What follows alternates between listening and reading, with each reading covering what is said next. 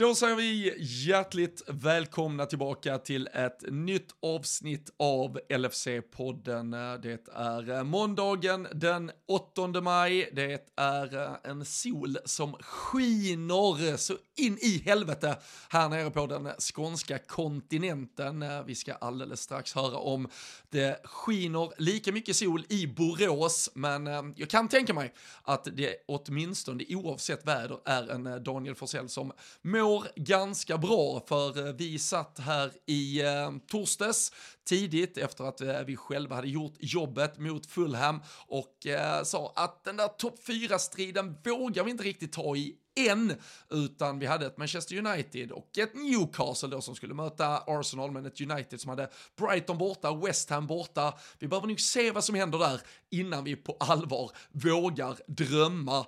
Noll poäng och noll mål senare för Manchester United så ska vi se om det är dags att drömma. Vi ska såklart prata om eh, Eh, 1-0-segern eh, som eh, vi följde upp Fulham-vinsten med då mot Brentford i helgen och sjätte raka är det ju för Liverpool nu. Man tog ju dessutom då de här segrarna med sig och stack åtminstone delar av laget och firade årsdagen av den där otroliga vändningen mot Barcelona genom att unna sig lite sangria och tapas i just Barcelona. Vilket jävla storkuks-move det är. Så ni hör, det är ett fullmatat avsnitt som väntar när vi återigen snurrar igång lyssnandet av LFC-podden.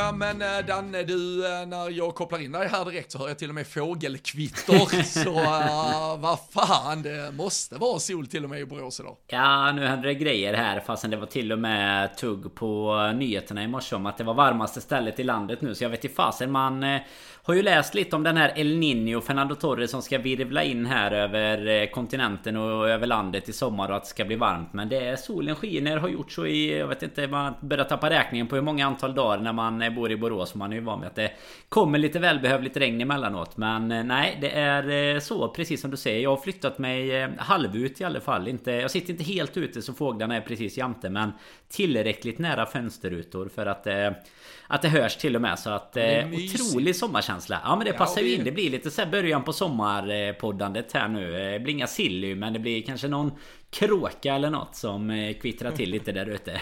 ja men precis, vi har tagit oss från, från allt då från eh, slamriga eh, pubbar till att man har fått låsa in sig i bilar till att uterummet nu får vara ny Och jag då, sitter ju också, jag, jag sitter ju fortfarande nio, ja jag sitter ju fortfarande nio av tio nere i källan fortfarande som är den berömda liksom som gick från att vara så här man fick stuva in sig i källan till att numera är det liksom poddstudio mer än vad det är något annat så att man har fått ja, men komma upp på, på samma nivå som er andra här är lagom till inspelningen. Det är bara det är ju härligt.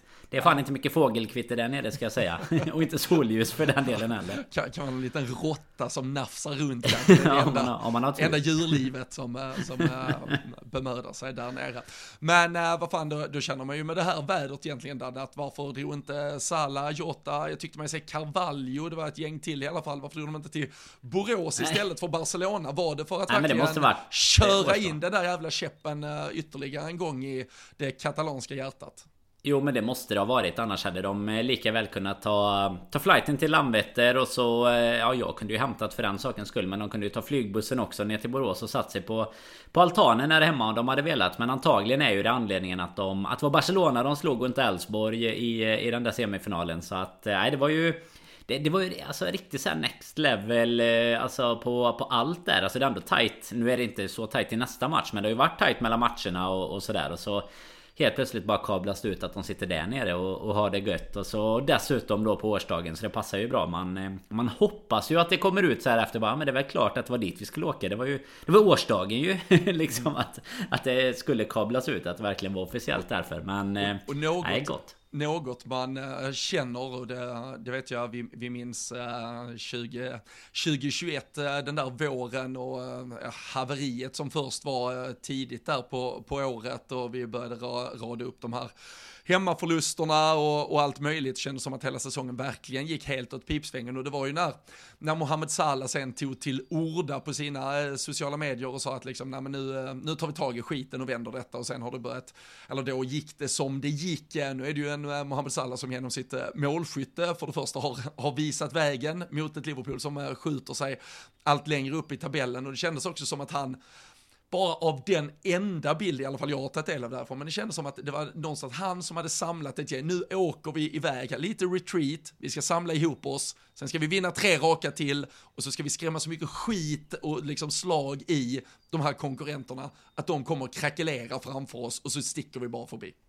Ja men det är ju den där bilden eh, Jag tror att det är den du tänker den, Det ser ut som någon typ har tagit ett kort utifrån eh, buskarna i en uteservering typ Eller någonting där han Exakt. står upp och de andra sitter Så det är ju precis som du ser, ser ut som att han står där och ja, men förklarar helt enkelt för de andra att eh, nu gör vi så här. och eh, han ni, visar ni har varit skitdåliga ja. i 30 omgångar. Jag har varit ganska bra, jag har lyckats lösa det mesta. Men jag behöver lite hjälp av er nu här på slutet det var, också. Det var ju antagligen det här tugget som eh, om, eh, alltså den har ju Skåne, jag kommer inte ihåg om det andra nere i Malmö eller om det är typ Helsingborg eller något. Men den här Hata Göteborg-filmen som fanns för 20 eh, år sedan eller någonting. Vad det kan vara, 15 år sedan. Jag vet inte om du har sett Absolut. den, men de står vid någon grusplan och säger att vi är sämst. Eller det är Rogga i alla fall som får lyssna på det. Jag tror att det var något sånt Salla körde liksom. Du är sämst och vi har varit sämst och så här, Men nu ska vi bara vända på det här. Och vi får ju... Ja men som vi sa sist. Vi får ju lite hjälp på vägen just nu. Precis det vi behövde. Och...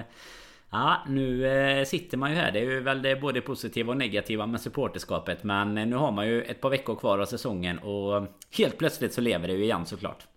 Ja, och det är ju, det är ju faktiskt helt uh, bisarrt att det lever. För att spola ja, ja, absolut.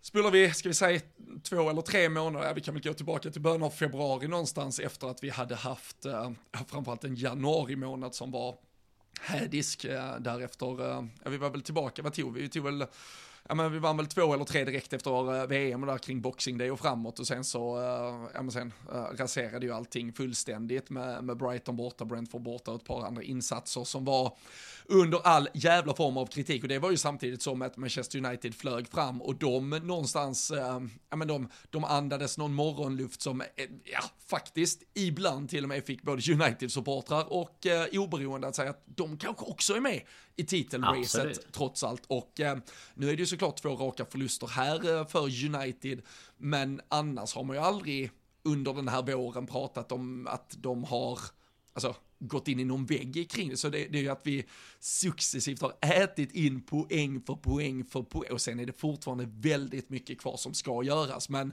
Jimmy Flöjt har ju nu uh, blivit officiell uh, ritbordsmästare. Han är ju ute med sitt Excel-ark till och med så vi kan fylla i väldigt enkelt vad som behövs de två sista. Och det är ju, det är ju trots allt så enkelt eller skitsvårt, beroende på hur man ser det, att om Liverpool vinner sina tre sista, United bara vinner två av sina sista, ja, då löser vi ju detta.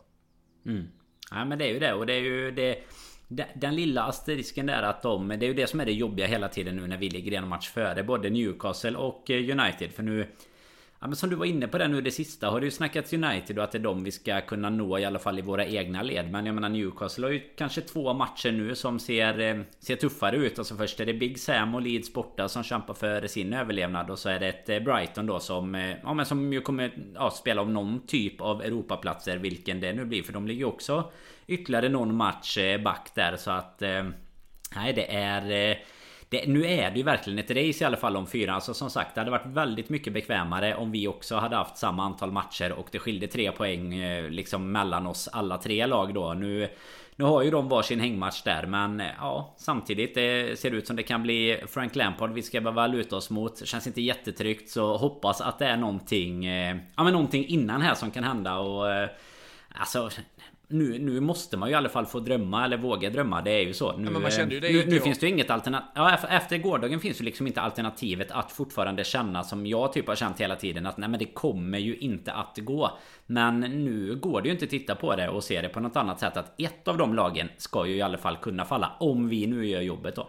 Ja, och det sjuka är ju att om vi land, om vi löser topp 4 på bekostnad av Manchester United. Då har vi alltså, då tar vi alltså en Champions League-plats framför ögonen på dem efter deras kanske största då, ja, men, eh, jag men haveri någonstans någon, så jag vet inte vad vi behöver spola för att hitta att de ändå har haft ledning med 15-16 poäng mot oss antagligen i ligaspelet.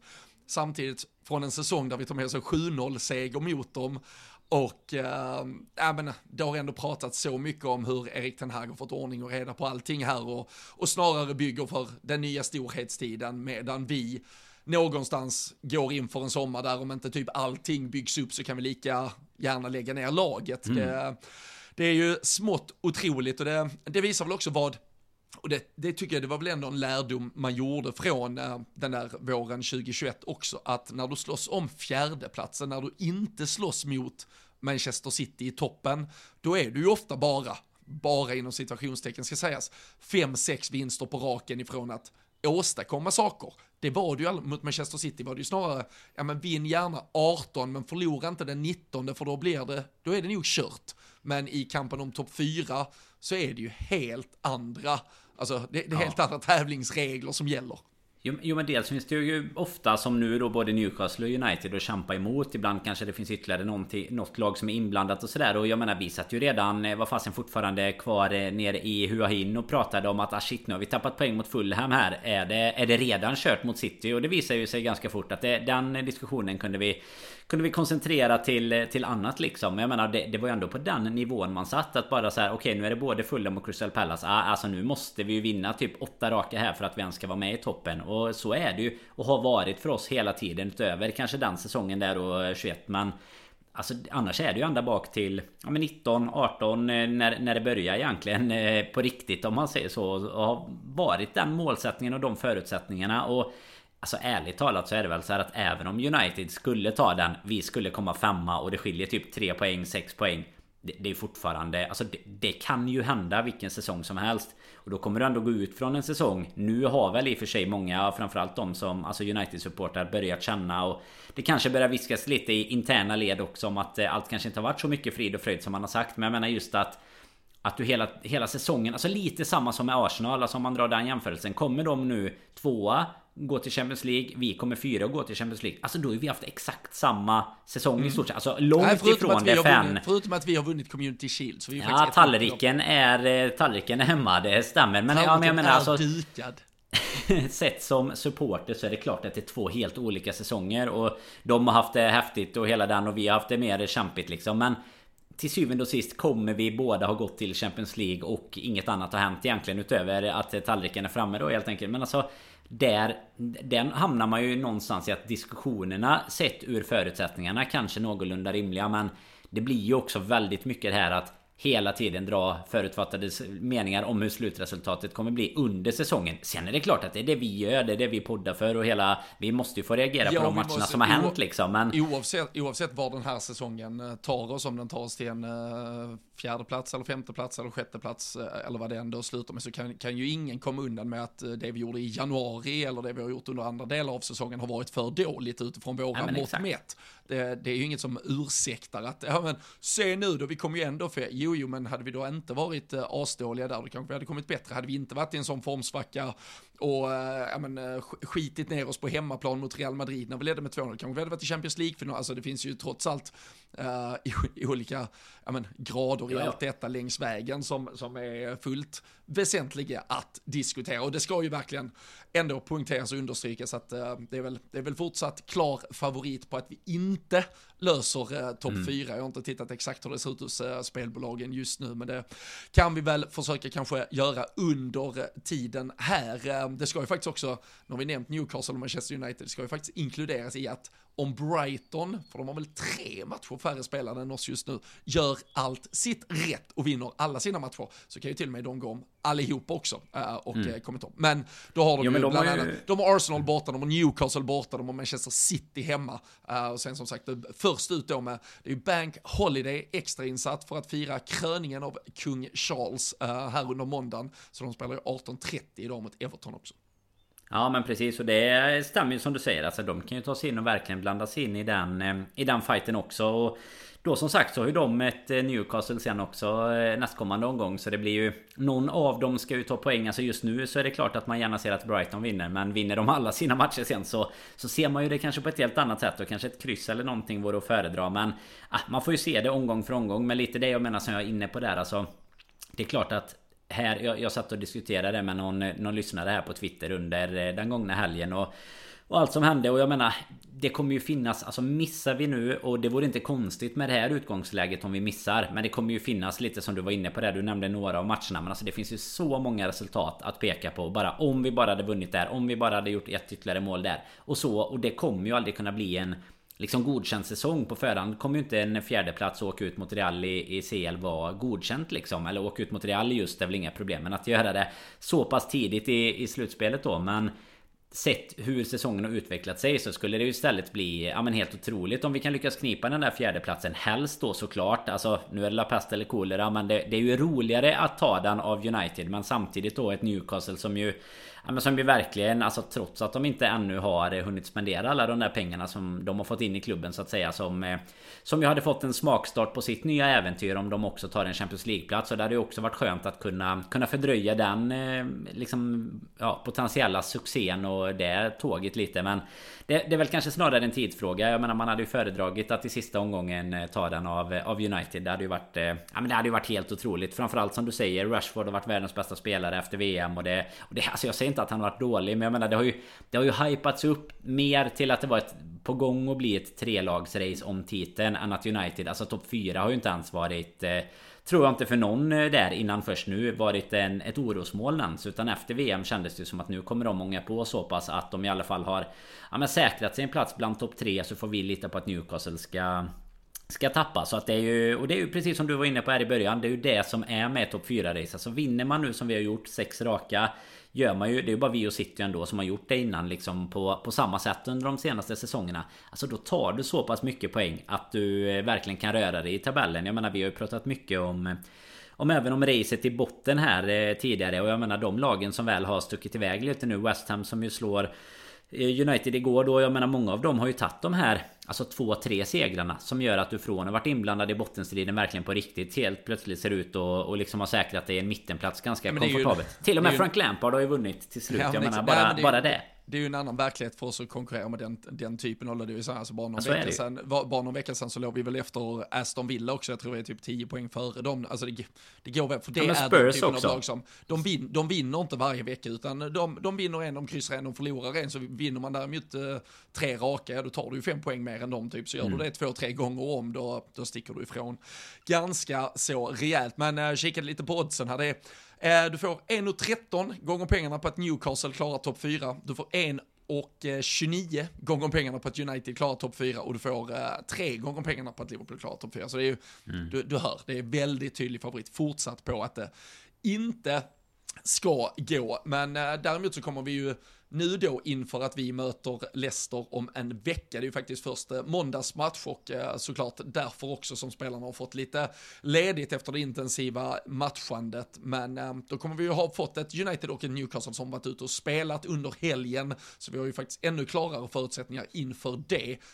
United har Wolves hemma, sen har de Bournemouth borta, Chelsea hemma, Fulham hemma. Eh, tre av fyra är alltså avslutandes på hemmaplan och de har ju faktiskt varit ett av, om inte det bästa, men de har ju varit ett av ligans absolut bästa hemmalag den här säsongen. Det är mm. också Därav såklart att vi pratade att den lilla minimala chansen som, och det lilla eh, halmstrå vi ville gripa, det, det, skulle vi få tag i genom de här två bortamatcherna och det, det gav ju oss någonting, men eh, det, ja, de ska tappa poäng i två av de här matcherna till och det är väl, det är väl ändå såklart frågan om vi ser det hända.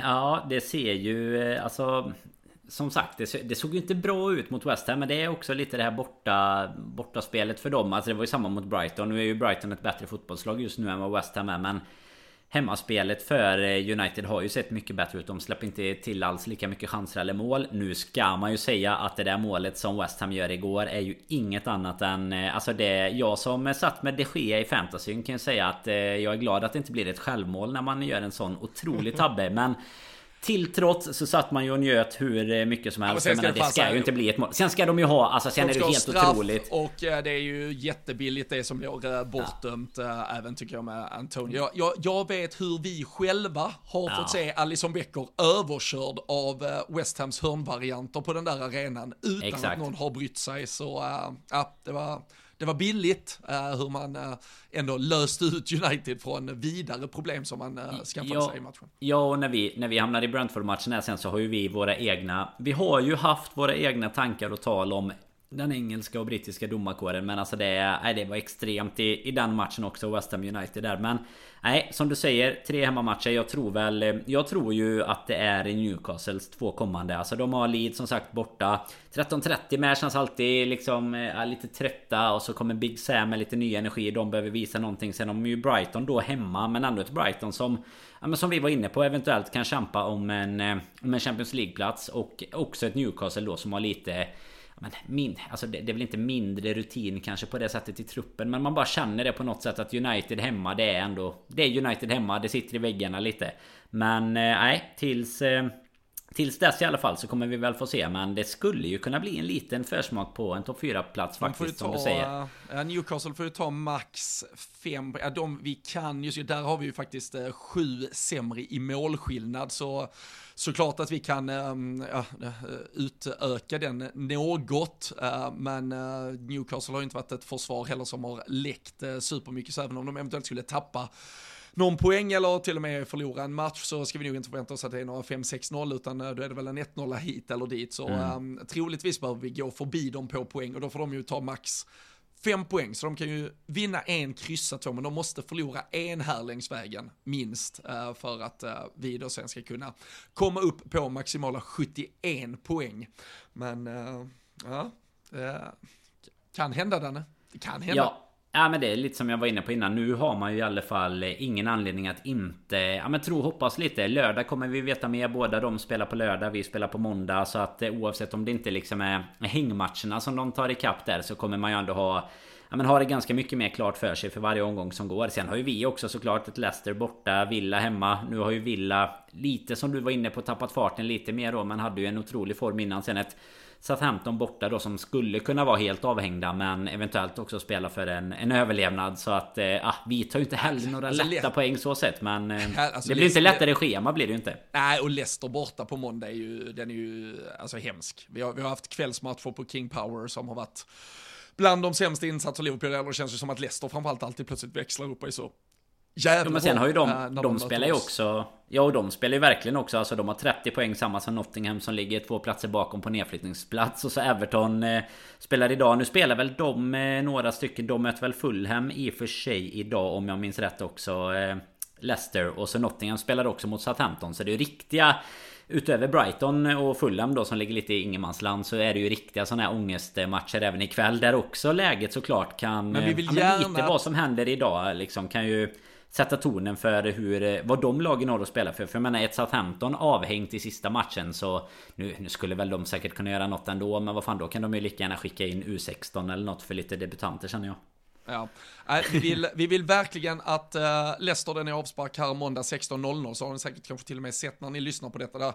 Vi vill att Leicester slår Fulham, uh, vi vill att Brighton kanske då ändå slår Everton och så kan väl Nottingham och Southampton kanske kryssa där nere så att mm. Leicester skapar sig en liten, liten lucka och känner att de har gjort, gjort något jobb redan och att det kanske inte är just mot uh, Liverpool hemma de ska ta de sista tre poängen för att uh, säkra kontraktet utan uh, kan de eh, spara sig till att unna sig till eh, veckan därefter. Men eh, vi får väl se, jag tänker att det var väl nog om tabelltoppen och våra eventuella möjligheter på att nå topp 4 och vi ska väl trots allt bara summera det med det som alla spelare, det som Klopp och alla andra såklart kommer ändå trycka på hela tiden, det är att vi ska göra vårt. Och så får vi se vad som händer längs vägen. Nio poäng. Tar inte vi nio poäng, Uh, för det är ju alltid mardrömmen i sådana här situationer. Det är ju att faktiskt United, Newcastle, de här drömscenarierna vi pratar om inträffar, men att vi inte har gjort vårt jobb. Mm. Så uh, vi ska ju klara 71 poäng. Uh, jag såg att det har man faktiskt klarat topp 4 på de senaste fyra säsongerna.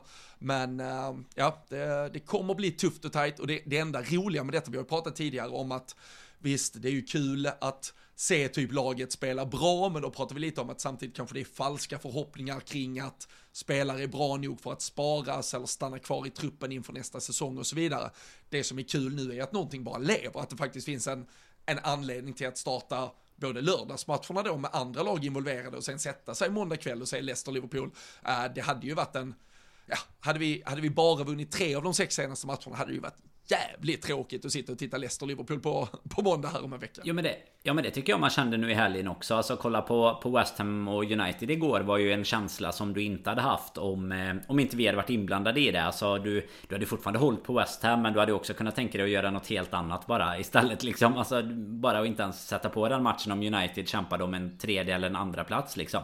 Utan eh, nu, nu lever ju ligan i övrigt för den också. De här matcherna runt om. Och sen som du säger såklart mycket roligare med våra matcher med. Och på något sätt lyckas vi alltid få det till att gälla något. Jag menar nu har det ju varit eh, såklart de sista åren har det varit ligatitlar. Det har, har gällt nästan varje gång. Men sen då 21 så, så är det ändå en tredjeplats till slut. Och sen många av säsongerna innan har det ju faktiskt varit eh, ja men då en, en, ett topp 4 race. Och eh, det är eh, lite som du är inne på. Alltså frågan är väl egentligen hade om Dejan hade varit klar i, kvar i klubben hade det kommit en sån eh, artikel typ idag då att vi, vi kan klara topp 4 och sen hade vi förlorat två raka nu och tagit eh, 65 istället då.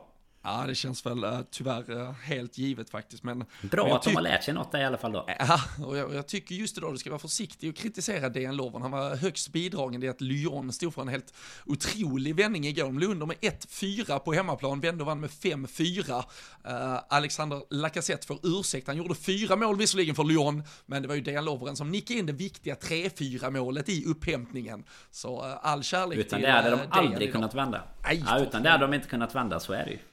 Så är det eh, verkligen. Men, äh, ja, men för att äh, fortsätta då sätta oss äh, i den här tabelltoppen och chansen på att ändå lyckas med något mirakulöst här på sluttampen så måste vi fortsätta att rada upp segrar.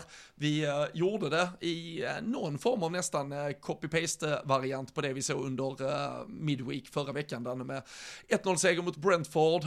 det var väl inte klang och jubel även om det var en startuppställning från början som indikerade att det skulle varit väldigt framåtlutat eh, Liverpool där Cody Gakpo någonstans fick eh, ja, men axla en roll som mittfältare i detta. Eh, men eh, ja, det, det var väl kanske ändå inget Liverpool som det, det, har ju varit tufft matchande och jag, jag, vet inte, det kändes lite som att det sågs på alla, det blev till slut väldigt mycket fasta situationer, dödboll som, som avgjorde detta. Sen kan vi komma in på domarinsatser och kring eh, var, var och när och hur man ska varna spelare för, eh, för tempo nedsättande olika äh, ja, men val man gör. Men, äh, ja, men en match som inte riktigt äh, växlade upp till någonting, men där man ändå känner att tre poäng är väl allt att begära just nu.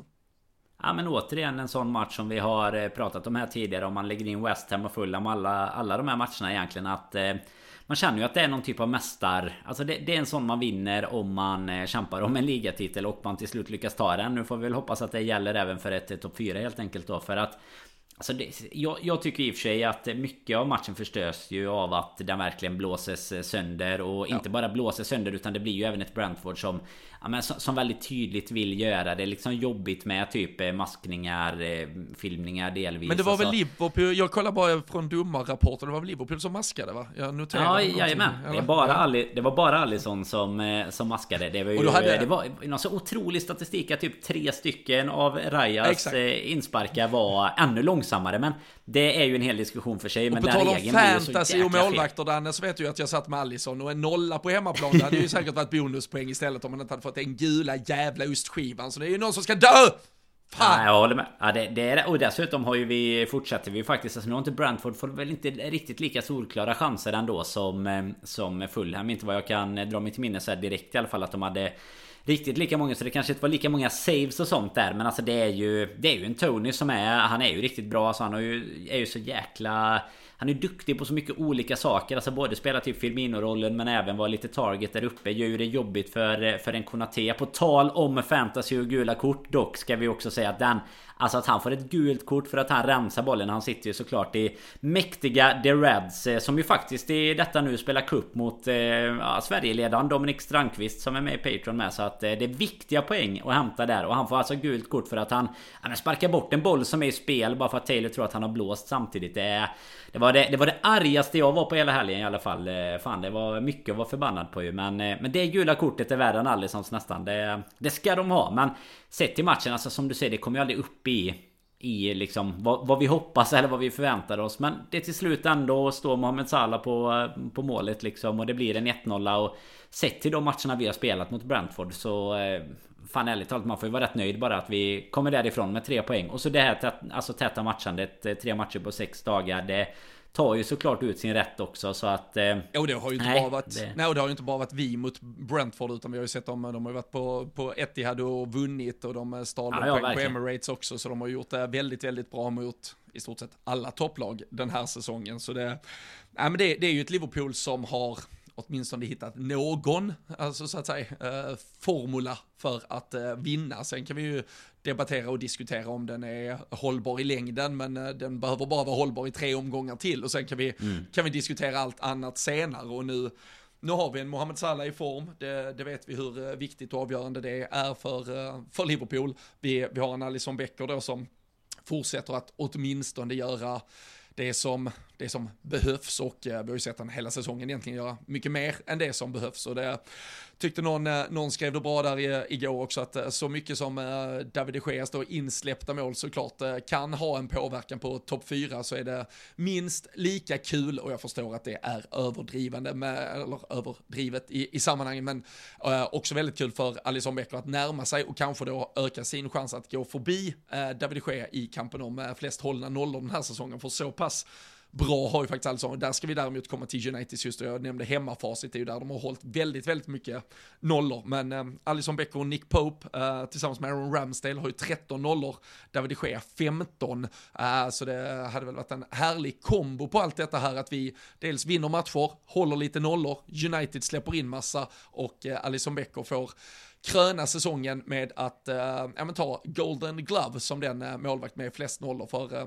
han är ju ändå den oavsett vad vi säger om Mohamed Salah eller en på nytt född Trent eller en eh, Ibrahima Konate till exempel som har imponerat så, så är det ju Alisson Becker över, när vi summerar det, 38 omgångar som, som väl ändå har varit hela lagets bästa spelare.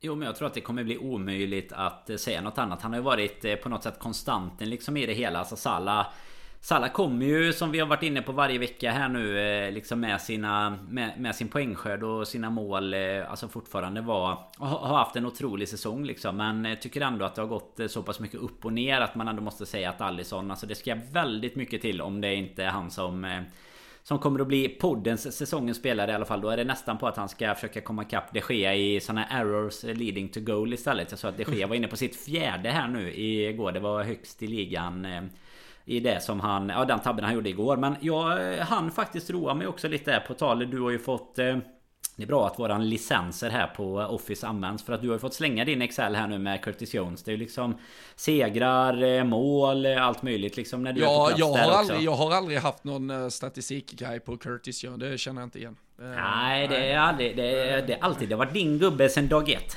Absolut. The our team. Nya matchtröjan med Jones är beställd. Och den ska vi återkomma till sen. ja, den ska vi komma tillbaka till sen. Ja, men i alla fall det jag skulle säga det. Jag har, eh, då jag istället fått göra ett litet eh, spreadsheet här på, på Sala. Det ska ju inte behövas med alla de målen han gör. Men bara för ja, men lite statistik för att sätta. Vi, vi sa ju att vi inte hade nog med huvudbonader kvar för att lyfta honom förra veckan liksom. Och nu la ju Andrew Beasley på Twitter, är ju bra statistiknörd liksom, la ut här eh, efter hans mål att han gjorde alltså sitt 19 ligamål eh, för säsongen och eh, han har alltså gjort 6 säsonger med 19 ligamål och det är 9 stycken i Liverpools Premier League historia innan. Alltså inte 9 stycken spelare som har gjort det utan 9 stycken säsonger totalt har någon gjort 19 mål.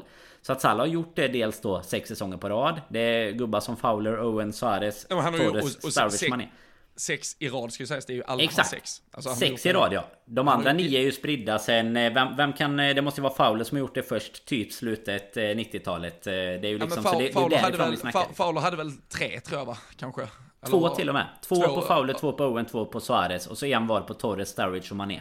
Ja men precis, och, och folk tyckte man skulle behålla Sadio Mané istället för Mohamed Salah. Jag, ibland blir jag ju bara förbannad på ja, mänskligheten. Och, och det var ju den han la först då. Det intressanta här då om man ska lägga till det. Det grävet man har tvingats göra här nu då. Det är ju att, ja som sagt, han har på 6 och nästa i Liverpool har på 2. Sen då om du tittar mot de liksom bästa, de bästa spelarna i lagen runt omkring så har Aguero, Aguero, sex stycken också. Samma som Salah nu då. Kane, han har sex stycken. Rooney, eh, hyllad talang, två stycken. Shearer dock då, sju stycken. Så Alan Shearer är egentligen den som har gjort fler. Går vi tillbaka ända till eh, innan Premier League då, vid en Ian Rush, han gjorde fyra stycken. Så att jag menar det, vi snackar ju siffror här för en både Liverpool-legend som vi väl eh, såklart redan utsett honom till men som Som sen då utan att jag vet vad det är för namn utan det är 69 Fatman 69 som taggar mig på Twitter när, när jag hade retweetat den här i en, eh, eh, i en jämförelse med då eh, Thierry Henry, Alan Shearer, Harry Kane, Aguero Drogba. Det är ändå, får man se som eh, okej okay målskyttar.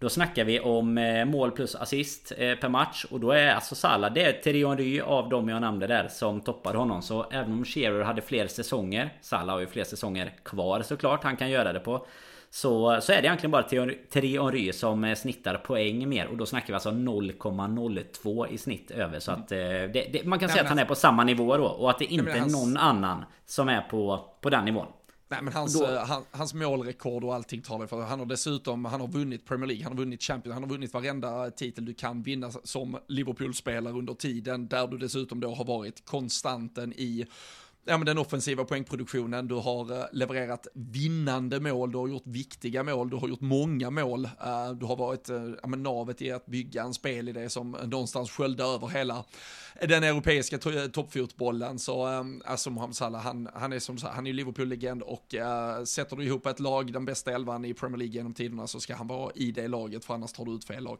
Jo men det är ju så. Jag menar om, om du bara jämför. Alltså grejen är ju... Alltså det som jag tror med en Mohamed Salah som gör att han inte... Alltså dels har han ju spelat i ett så pass bra lag såklart. Men det har alla de andra också gjort. Men det är väl att hans spelstil liksom inte...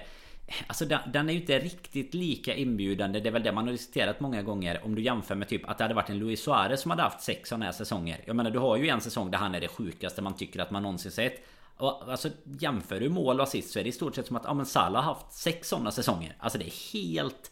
Alltså bara, bara leker man lite med tanken så är det helt orimligt. Alltså hade, hade Suarez haft sex sådana säsonger i Liverpool som han hade 13-14. Alltså då hade ju han varit... Det hade ju varit Messi, Ronaldo, Suarez eh, trion som man hade kunnat diskutera vem som har varit denna erans bästa, bästa spelare liksom. Och Salah är ju på något sätt inte med i den diskussionen de senaste sex åren. Alltså det är klart att han har varit med i snack om både Ballon d'Or, guldbollar och allt möjligt. Men alltså han har inte... Han är ju... Det är, det är ingen som sitter och snackar om eh, Messi, Ronaldo, Salah när det, när det väl egentligen är det man... Eh, det man borde göra helt enkelt. Nej, men då, där, där ligger det väl honom i, fa, i fatet kanske då att han har varit på en eh, superhög nivå hela tiden. Det har, inte varit, det har inte varit en säsong med 10 mål och en säsong med 40 utan det har varit sex säsonger med typ 30 uh, eh, hela tiden om du tittar i alla, uh, alla serier och tävlingar och sen dessutom några då med fler men där det istället Ja, men det, det sticker inte ut så mycket, du kan bara göra det för, alltså, såklart när han kommer första säsongen 17-18 och gör alla de målen han gör, då, då fick han ju alla de rubrikerna, då såg vi ju mm. Erling Haaland har fått denna säsongen och han kommer,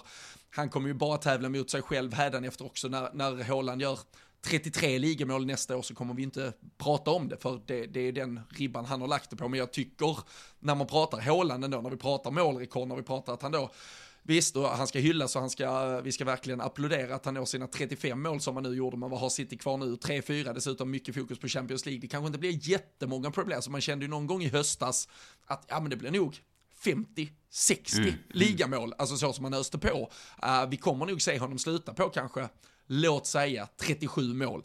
Uh, och vi hade en Mohamed Salah som när han var som bäst eller gjorde som flest mål, uh, landar på 32. Då är det en Mohamed Salah som var ytter i ett lag som höll på att byggas, höll på att formeras, alltså det är 17-18, det är säsongen som är vår första vi egentligen tar kliv under Jürgen Klopps ledning, alltså när vi är på väg mot någonting. Vi tar oss till en Champions League-final, men där vi vet hur den slutar i tårar i Kiev och allting. Men Alltså att ha den individuella prestationsnivån i ett ganska då icke färdigbyggt Liverpool-lag, kanske i stunder ganska dysfunktionellt lag. Eh, det, ja, men jag tycker det, det, det, det, visar egentligen, jag tycker att Håland, att han med nöd och näppe någonstans i slutändan slår Salas visar snarare hur jävla sjuk nivå det var, alltså Salah var på redan då. Alltså Håland har gått rakt in i alltså kanske världsfotbollens mest fungerande maskin genom alla tider, har världens bästa assistspelare i Kevin De Bruyne bakom sig och han slår det med ett par måls marginal. Det är, nej. Äh, Salah hade Salah hade i och för sig James Milner bakom sig hela tiden Så jag vet fasen om du ska dra just assistjämförelsen Frågan är, var, var det till och med fortfarande då James Milner fick ta straffarna också?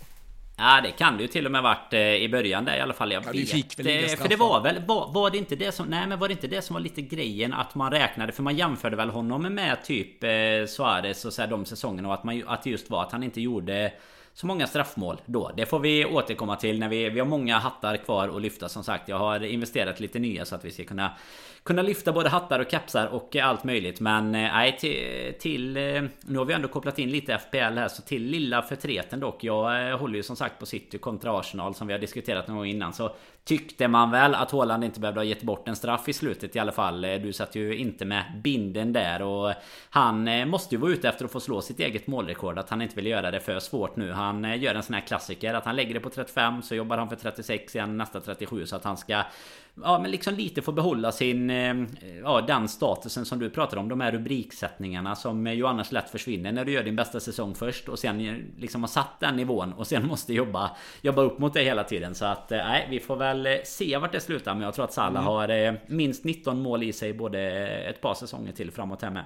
Han gjorde, han gjorde ett ligamål på straff säsongen 17-18. Det gjorde han den 30 januari mot Huddersfield. Jag ska kika upp här hur många James Milner gjorde under tiden. Men, eh, ja, men då kan du samtidigt jämföra, då kan du jämföra den. Jag tänker Haaland, nu har jag inte det framför mig såklart hur många han har gjort på straff detta året. Men, och jag ska inte ta något, alltså jag tycker inte man ska ta något ifrån han så sett. Men det är ju som du säger ett bättre lag runt omkring. Men sen, sen är det ju också att får du ta varje straff, du trycker in x antal straffar i och med att City både har en Kevin De Bruyne då som, som assist, assisterar honom. Men sen också har Grealish, Foden, Mares, Holland själv såklart och med flera som också löser straffar så har du väl en... Eh, I alla fall en fem vi, straffmål kan vi, man väl gissa i alla fall.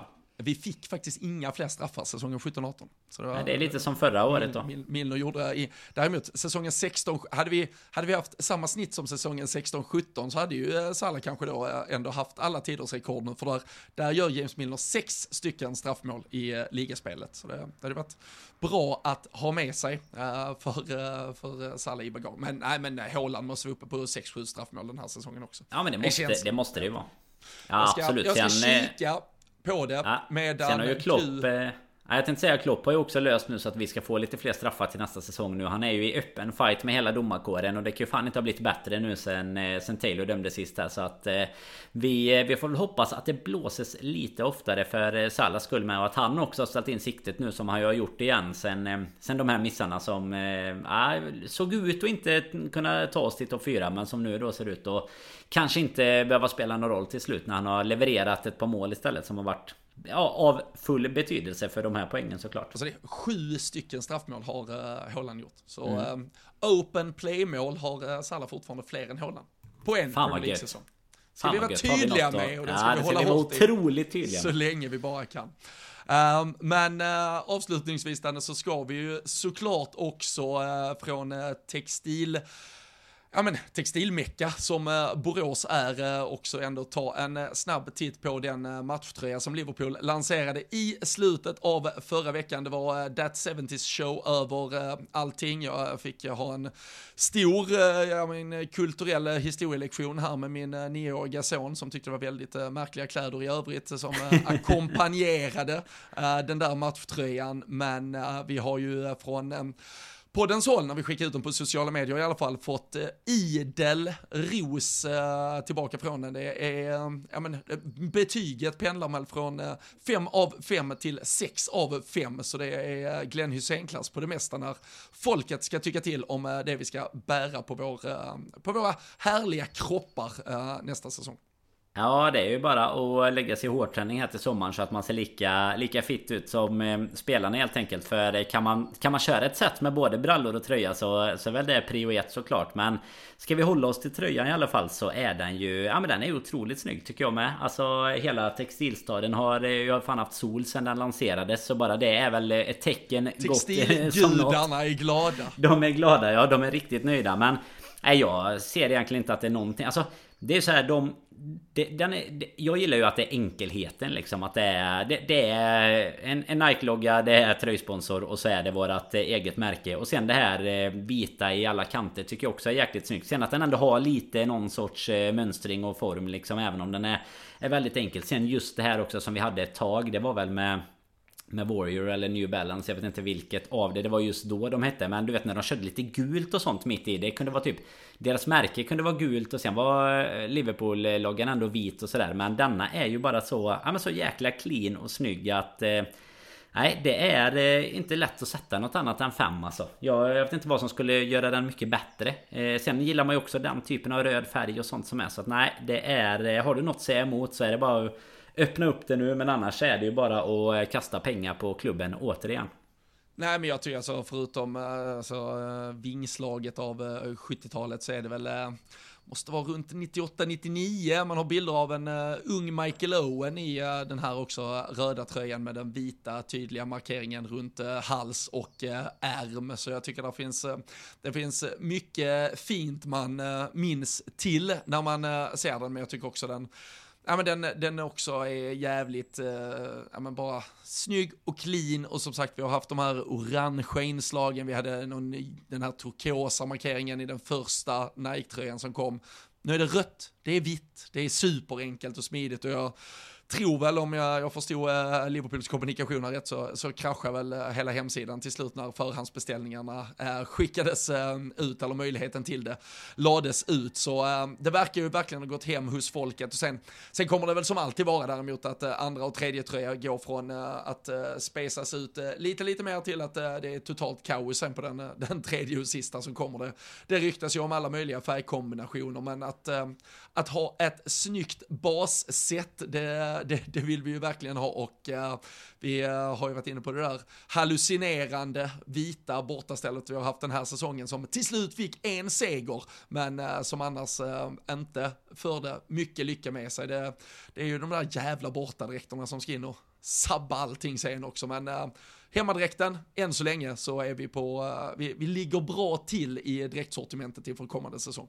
Ja men verkligen. Sen tycker jag ju att är det någonting som Nike, alltså utöver, alltså det, det är många, det är många snedsteg också. Men de har ju ändå haft några av de här borta och tredje ställen som har varit, alltså några av dem de snyggaste tycker jag. Så dels den här beiga som ju också fick egentligen eh, 100% 5 eh, av 5 skulle jag säga av de flesta. Och sen, eh, sen det här gröna också. Det är väl nu, fan vi har knappt spelat det. där. Det är nu vi har det som tredje ställ till och med. Det, det gröna som vi ju inte ens använder. Det som vi bara kunde slängt fram varje gång istället för det här vita. För att det, det gröna är ju riktigt, riktigt snyggt. Men som du är inne på det, det absolut viktigaste och det som ändå är men hela klubbmarkören såklart det är ju att det ska ju Fanbärartröjan måste ju vara Den måste ju vara bäst, den måste vara snyggast och det Jag gillar inte heller alltså Det finns en viss eh, såklart eh, symbolik symbolik att man kastar in lite andra färger och det ska anspela på någon annan tröja eller en annan tid eller sådär men Rött och vitt, simpelt, enkelt eh, Det behövs inte så mycket mer för att krascha sajten helt enkelt Det, det säger väl också sitt Textilgudarna är nöjda och eh, sajten kraschar Då då har man gjort ett bra jobb. Då är det någon som ska ha en liten payrace inne på Nike-kontoret. ja, det tycker ingen på Nike förtjänar en enda krona Nej. Men, eh, Nej, de tar tillräckligt bra betalt om de, har provision, om de har provision på tröjorna så får de tillräckligt med betalt tycker jag på, på den redan nu faktiskt. Ja, nej men precis. Men äh, mycket, mycket, mycket snygg tröja och äh, man, man antar väl just nu att alla har sett den. Men äh, annars äh, vi skickar ut äh, massa bilder på Uh, vårt uh, Twitterkonto och uh, där var det ju framförallt då den här 70-tals inspirerade poseringen också som kanske ändå var det som gav en mest glädje. Hade du någon favorit av alla spelare som försökte vara supercoola i sina brallor, hattar, brillor, allt möjligt som de pimpades upp med? Ja, Bacitic eh, ser ja, ju mer ut som en modell än som en fotbollsspelare. Alltså, det får man ju säga. Han eh, var ju helt... Eh, Nej, riktigt, riktigt grym. Sen gillade jag ju... Eh, det var väl Darwin, nu eh, stängde jag... Jag hade precis koll på brallorna här lite under tiden. Men det var väl Darwin som hade de här rödrutiga byxorna typ också. Det är, när man ändå ska lägga in byxorna i det hela. Och även van Dijk hade ju den, eh, den här beiga som ser ut som lite golf slash pyjamasbrallor. De... De gör ju det bra men Budgetic måste väl vinna, vinna den footshooten. Var det Diaz också som man såg någon bild på. Den ligger inte med på våran eh, Twitter märker jag nu när jag tar upp den här. Men det var, jag tror att jag såg någon bild på Diaz med med både solglasögon och ja, något ja. halsband och sånt som var... De, de, han och Bacitic kämpar mellan det. En på Nunes, Diaz och eh, Salah tillsammans tror jag som är eh, otroligt skön. Och sen eh, ja. Konate och Batip tillsammans. Ja men det är många, många, må, många som gör sig bättre i att eh, marknadsföra tröjor än att spela fotboll. kan vi konstatera. Men, ja, äh, det ska de ha. Matip skulle bli årets spelare enligt eh, van Dijk såg jag. Läste du den? Eh, det bläddrade jag förbi snabbt igår. Van Dijk hade ju fått frågan och så hade han sagt att vad fan har vi en... Har vi en egen sån player of the year? Ja, ja, nej då. Jag hade gett den till Matip direkt. Ja, okay, det, jag vet inte om vi håller med. Vi håller inte med än så länge, men han... Totalt hål i huvudet, låter det som. Ja, men jag tror att det är samma... Det, det, är nog i samma fack som det här när han skulle trycka upp någon tröja med Matip och lite sånt där. Jag tror att det är... Det är great banter, boss banter helt enkelt dem emellan som, som gäller.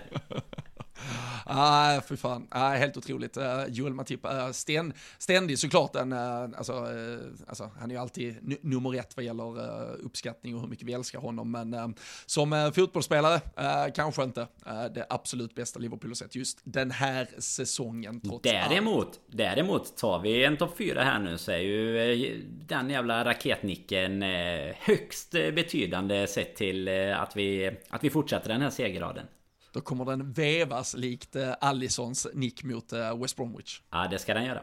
Ja, nej, men uh, som ni hör, det är alltid lite spretigt när vi inte riktigt har någon match som sådär ligger och klämmer och väntar på oss, utan det är en hel vecka tills vi ska ta oss an Leicester, men uh, det har varit en uh, helg här och uh, Midweek som har satt oss i en position vi åtminstone inte kan uh, tycka allt för illa om, för det kan bli ganska kul avslutning oavsett vad. Det kommer i alla fall vara spännande och det kommer betyda saker på många håll när vi ska in på den här upploppsrakan det är eh, som vanligt tillsammans med LFC.se, den svenska supporterklubben och eh, våra vänner på Samdots som vi gör de här avsnitten och eh, vi har rättat tipstävlingen från helgen och helvete vad glad man blev Danne när man såg vem det var som vann.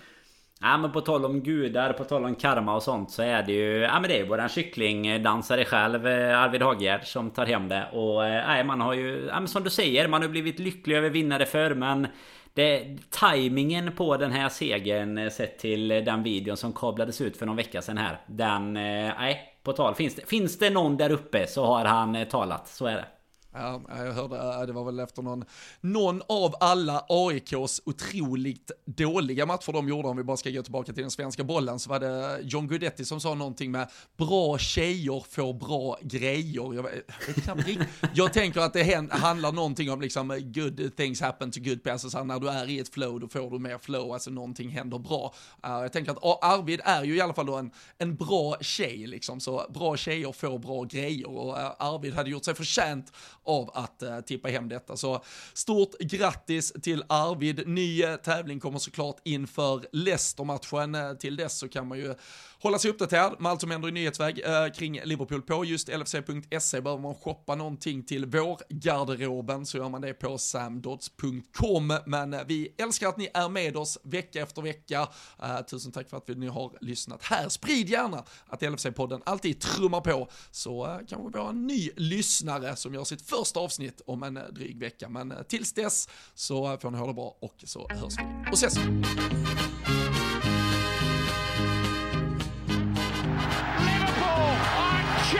of Europe.